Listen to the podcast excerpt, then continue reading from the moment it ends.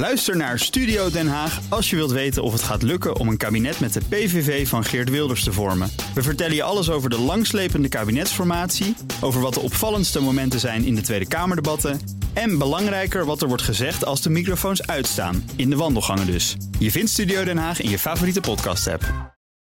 De column van Bernard Hammelburg. Wat hartverwarmend om te zien hoezeer de EU haar best doet om Oekraïense vluchtelingen op te vangen. Gemeentes, particuliere regeringen, iedereen heeft de deuren wagenwijd opengezet. Het is één groot Europees weerschaffendas. De Oekraïners zijn knuffelvluchtelingen. Ook in Polen. Ook in Hongarije en vanzelfsprekend in Duitsland en Nederland. De New York Times beschrijft het lot van twee vluchtelingen, ongeveer even oud, die op dezelfde dag aan de Poolse grens aankwamen. De 21-jarige Katja uit de buurt van Odessa kreeg onderdak van een man die ze een heilige noemt, met elke dag vers brood en een goed gevulde koelkast. De andere vluchteling is Abagir, student geneeskunde. Bij de grens werd hij in elkaar geslagen, zowel lichaam als gezicht, en uitgescholden door politie en grenswachters die dat met overgave en genoegen deden. Want Abagir, 22 jaar, komt uit Darfur, de hel van Soudaan.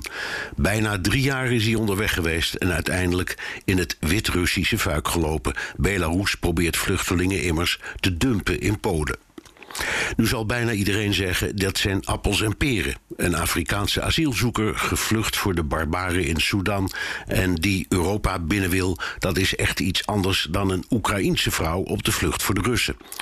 Voor Abagir is dat verschil niet duidelijk. Waarom wordt hij mishandeld en vernederd, terwijl Katja een gratis vliegticket kan krijgen om waar dan ook in Europa heen te reizen, met open armen ontvangen waar ze maar wil? Waarom buigt de EU de regels om en geeft verblijfsvergunningen voor drie jaar? Waarom wordt er voor de abagiers van deze wereld geen 106 miljoen euro bijeengecollecteerd? Ja, het zijn appels en peren. Maar waarom zijn voor Katja woonruimte en banen beschikbaar? En wordt Abagir gezien als iemand die, als het hem al lukt Europa binnen te komen, de woning van een rechthebbende inpikt? Hoe zou het zijn als Abagir Albert heette, wit was en christen? En omgekeerd als Katja Fatima heette en moslim was?